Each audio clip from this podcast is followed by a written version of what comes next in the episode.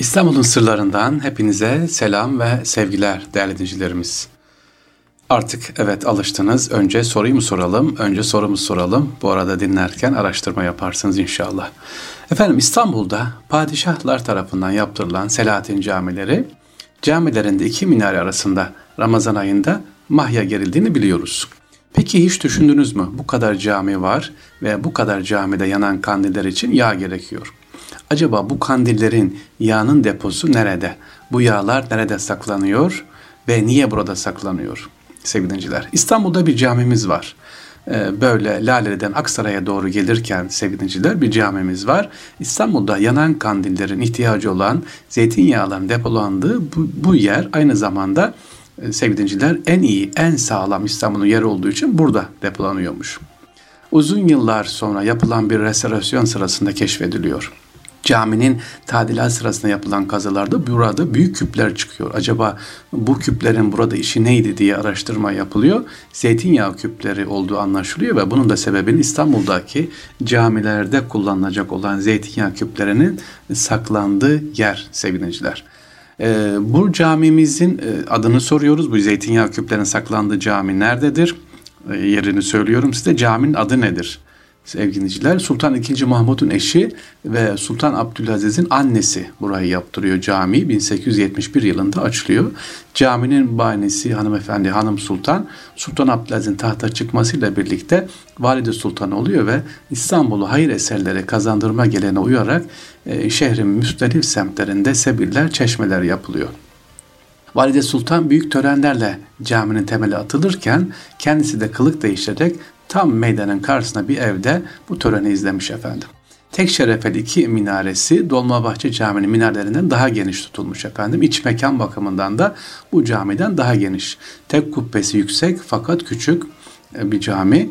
E, bu camimizde dediğim gibi kendisi Valide Sultan burayı yaptırıyor ve burada İstanbul'daki mahyaların yağlarının küpü saklanıyormuş. Acaba Vatan Caddesi hemen girişte olan Laleli'den gelirken Aksaray tarafında bulunan bu dışarıdan baktığımız zaman Taç Mahal'i andıran bu camimizin özelliği e, başka bir özelliği daha var üç mimari, üç farklı mimari tarz görürsün. Taç Mahal gibi, efendim Arap mimarisi, Acem mimarisi, Osmanlı mimarisi böyle adeta bir e, mozaik yapılmış böyle bir camimiz. Bu camimizin ismini soruyoruz size. Hadi bakalım ismini bilenler, seviniciler e, sarrafoglu.fahri.gmail.com'a gönderebilirler veya Instagram'dan Fahri Sarrafoğlu İstanbul'un sırları yazabilirler efendim. Devam ediyoruz İstanbul'un sırlarında. Bugün sizlere seviniciler İstanbul'dan tarihe not düşüren yardımlardan biraz bahsetmek istiyorum. Yani İstanbul biliyorsunuz Türkiye Cumhuriyetimiz e, sadece yakın ülkelerimize değil Amerika'ya, Afrika'ya yardımlar gidiyor. Hele hele kurbanlar gitmeyen ülke yok. Birçok ülkeye kurbanlarımız gidiyor. Ama Osmanlı dönemin İstanbul'unda ise sevgili dinleyiciler e, çok önemli yardımlar yapılıyor. Kime yapılıyor? Bugün bize sıkıntı çıkartan bir komşumuz var değil mi?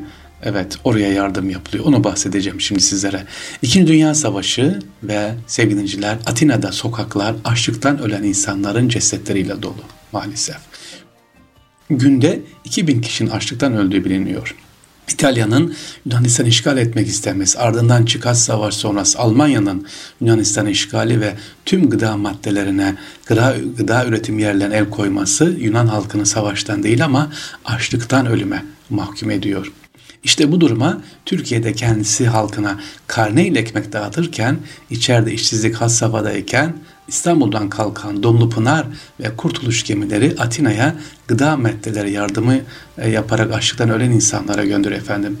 1942 e, yılı başında Yunanistan açlıktan hayatını kaybedenlerle ilgili çeşitli merkezlerden yine ürkütücü haberler gelirken e, İstanbul'dan hareket eden Kurtuluş Vapuru sevgiliciler 20 Şubat 2000 1942'ye kadar 5 sefer yapıyor un götürüyor efendim çeşitli gıda maddeleri götürüyor.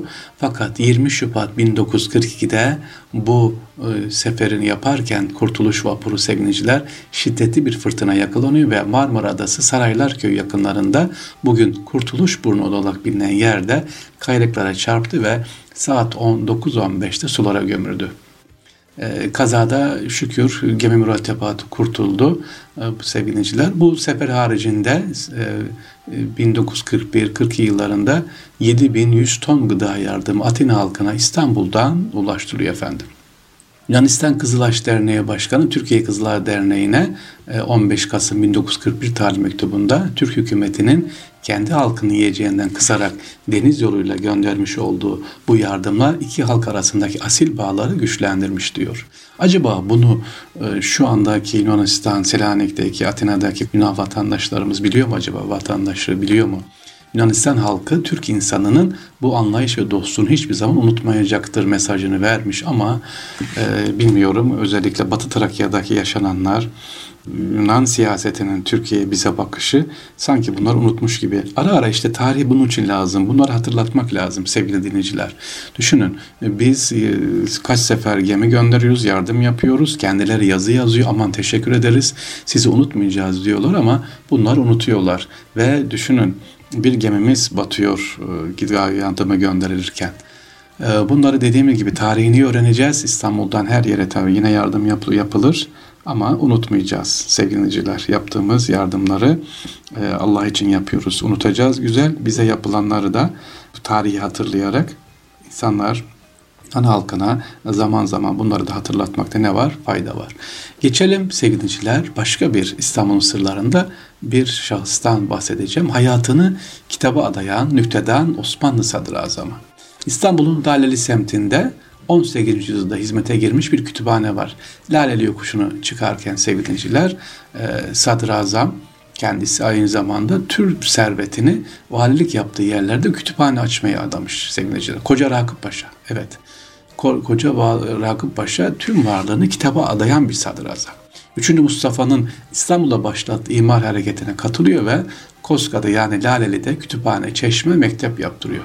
Kendi servetini kültür yatırımlarına harcamak e, istiyormuş ve kendisi de özellikle kütüphane konusunda İstanbul'u ve sadece İstanbul değil Balkanlara da kütüphaneler yaptırıyor.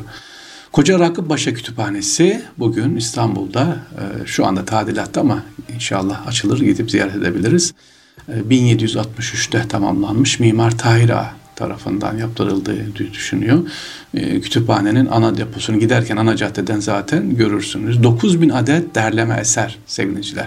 İslam ilimler başta olmak üzere edebiyat ve diğer bilimlerle ilgili çoğunluğu Arapça eserler yer almış bu kütüphanemizde.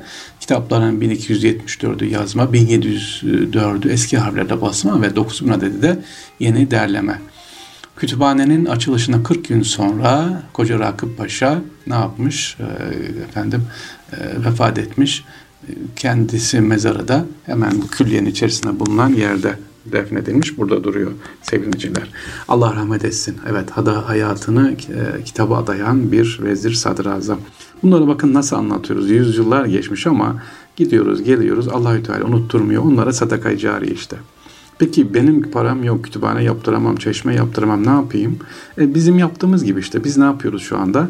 Benim de camim yok, çeşmem yok ama burada imkan verildi elhamdülillah. Size İstanbul'u anlatmaya devam ediyoruz. Siz de elinizde imkanınız neyse bulunduğunuz yerde hatta ülkede sevineciler e, halka hizmet yaparak hakka hizmet inşallah eda etmiş oluruz. Yoldan bir çöp almanız bile nerede olursanız olun İstanbul'da olun işte Hakkari'de olun Diyarbakır'da olun Konya'da olun, Aksaray'da olun, yolda bir şey gördünüz mü? Bu yakışmaz tabiata diyerekten alıp atmanız sadaka-i cariyedir, ikramdır inşallah. Sevgili dinleyiciler, Allah'a emanet olunuz inşallah. Kolay gelsin.